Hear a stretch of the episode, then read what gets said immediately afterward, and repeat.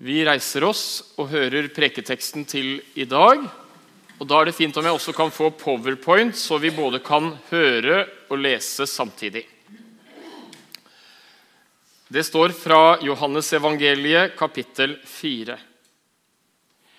I det samme kom disiplene hans, og de undret seg over at han snakket med en kvinne.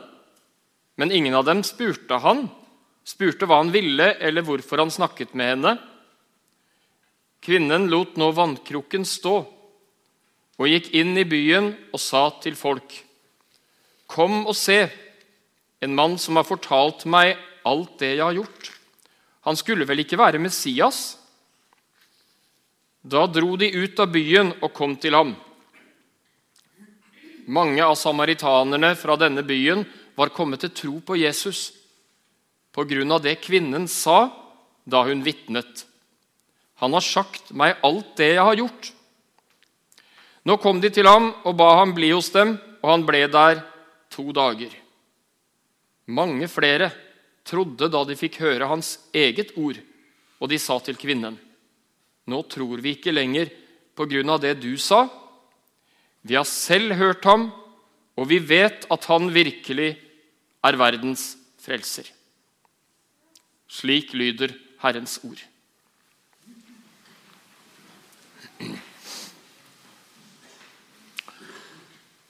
Har du tenkt over hva som er forskjellen på en selger og et vitne? En selger vil ofte skulle prøve å få oss til å ta en bestemmelse. Argumentere, agitere. Eh, en selger kan ha noe som pusher seg i nakken. Jeg må klare å overbevise mange nok til at de skal kjøpe mitt produkt. Jeg har det stressende i nakken. Jeg skal få folk til å skifte standpunkt fra å være negative til å kjøpe det, hvis de er det, til det jeg har til salgs, og til å ville kjøpe det. Et vitne i en rettssak skal ikke selge et budskap til dommerne. Det er grunnleggende i et rettsstatsprinsipp at vitnets jobb er å snakke sant, verken mer eller mindre. Vitnets oppgave er ikke å prøve å vinkle det på en spesiell måte for å få dommerne til å ta et spesielt standpunkt. Men vitnet skal egentlig senke skuldrene og ha det ene for øye. Her er det min jobb å snakke sant. Det er viktig, syns jeg, å ha med seg det der.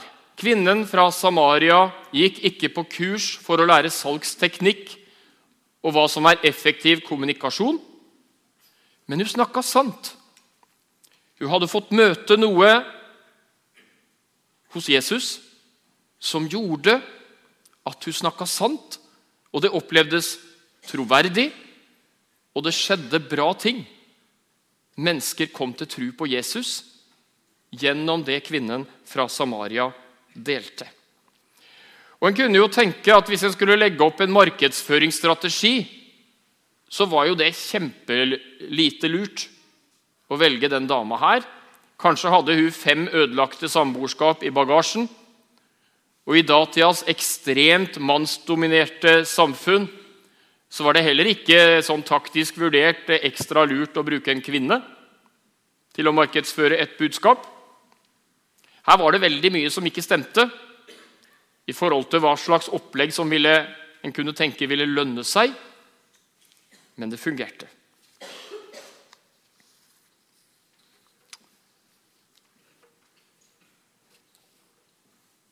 Jeg tror også det var sånn at denne dama prøvde ikke å dytte på andre i Samaria.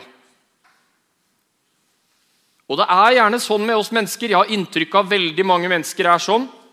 Prøver noen å dytte på oss noe, da går øreklaffene ned, og da går piggene ut.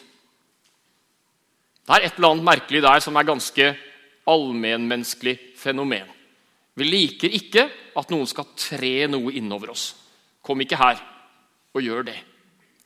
Jeg tror ikke det var hennes iver etter å tre noe nedover noen som gjorde at det funka, men jeg tror de ante at det kom noe innafra som var ekte. Jeg tror det hadde avgjørende betydning. Jeg tror det var sånn den gangen, og jeg tror det er sånn i dag. Hun hadde møtt en som så seg sjøl der hun var, med sitt ganske skakkjørte og skamferte og etter manges oppfatning mislykkede liv. Hun hadde møtt en respekt, møtt en nærhet, møtt en omsorg og varme, og framfor alt møtt evangeliet. Framfor alt møtt selve evangeliet. Det som alltid er i stand til å sette mennesker fri på så mange plan. På så mange plan. Der Den hellige ånd får gjøre det levende for et menneske. Evangeliet hadde skapt noe nytt i hjertet til denne skamtyngede kvinnen. Legg merke til hva Jesus ikke sa til denne kvinnen. Sa, eller legg merke til hva kvinnen ikke sa om hvordan Jesus hadde møtt henne. Kom og se en som har sagt at jeg kan fortsette å leve som jeg vil. Det sa ikke kvinnen.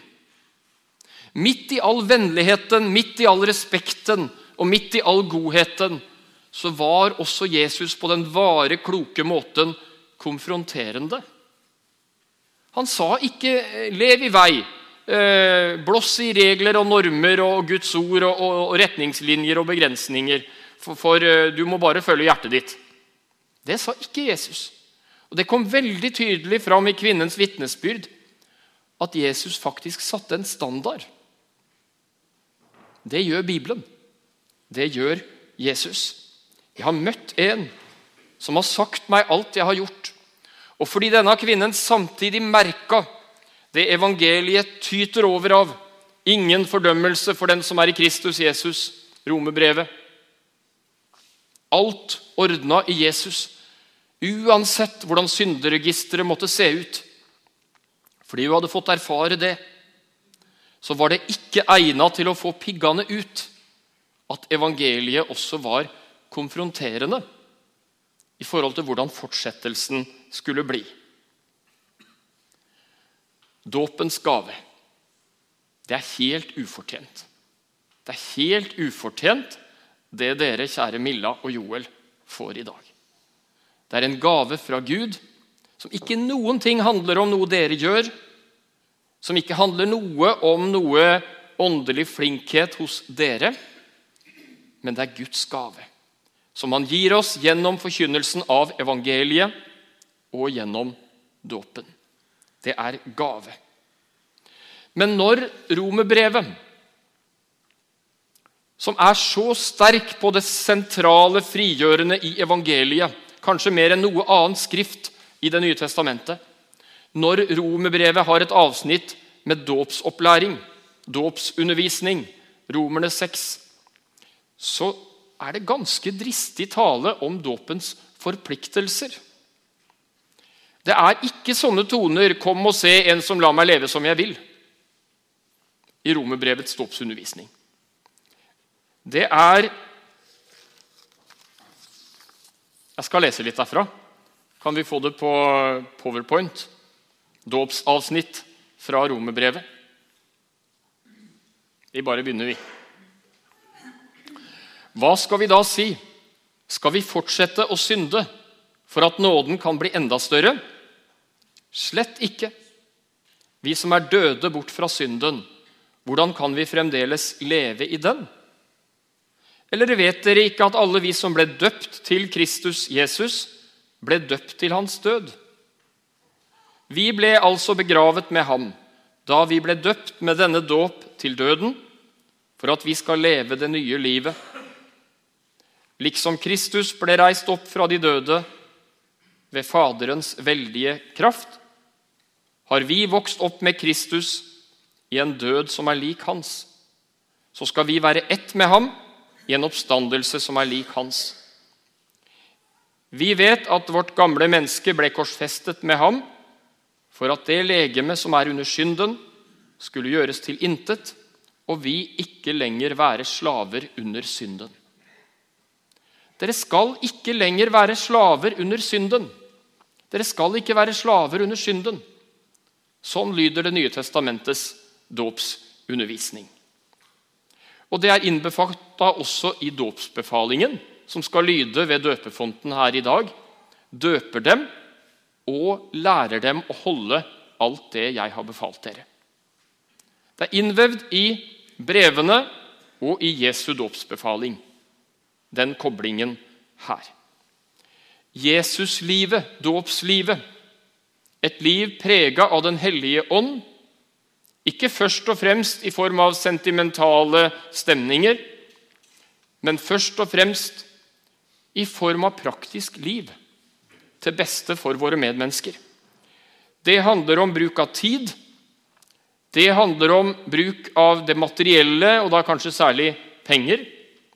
Det handler om vår seksualitet, og det handler om makt. Og det siste makt det er nok først og fremst en fristelse for oss som ikke er barn lenger. Og når vi misbruker vår makt, så er det ofte barn og ungdom det lettest går utover. Gud har noe å si oss når det gjelder det. Det er et ansvar å ikke misbruke makt. Og det å leve sin dåp er å lytte til Bibelen og Den hellige ånds minnelser i forhold til det og mye annet. Og det er en gave å få leve i Den hellige ånds lys, også når det gjelder alle disse tinga. Jeg skal litt mer tilbake til dette med vitnesbyrd. Og det er siste avsnittet, siste overskriften, i denne trepunktsprekenen. Jeg har eh, blitt fortalt at det var en landrover ute i et misjonsland i Afrika som fikk motorstopp. Opp med panseret. Mekanikeren som heldigvis var med med huet oppi for å prøve å finne feilen. Og dette tok tid. Og I Afrika er det en del steder det er mye mer folk enn en først skulle tro.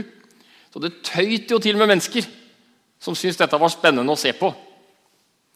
Og eh, prester og misjonærer vi har ikke så sjelden nokså mange tommeltotter.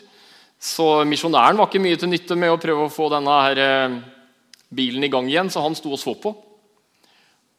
Og den innfødte mekanikeren han eh, kom med en oppfordring til misjonæren eh, fortell dem hva Gud har gjort i ditt liv de siste dagene. De står jo her. Men misjonæren ble taus.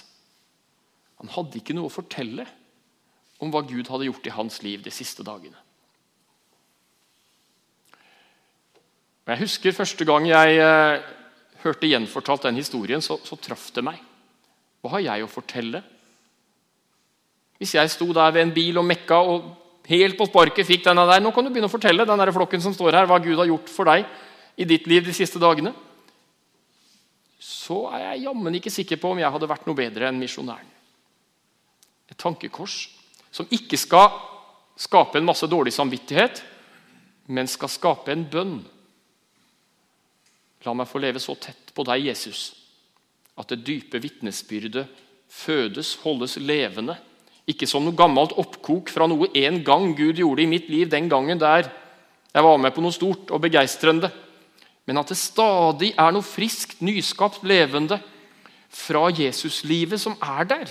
Enten det nå er bilen stopper eller hva det er, så var det ikke brysomt om mekanikeren skulle si det at Fortell hva Gud har gjort i ditt liv de siste dagene. For en uke siden var jeg her i kirken. Jeg satt på bakerste benk, kom i prat med en som heter Sverre. Og den praten ga meg veldig mye.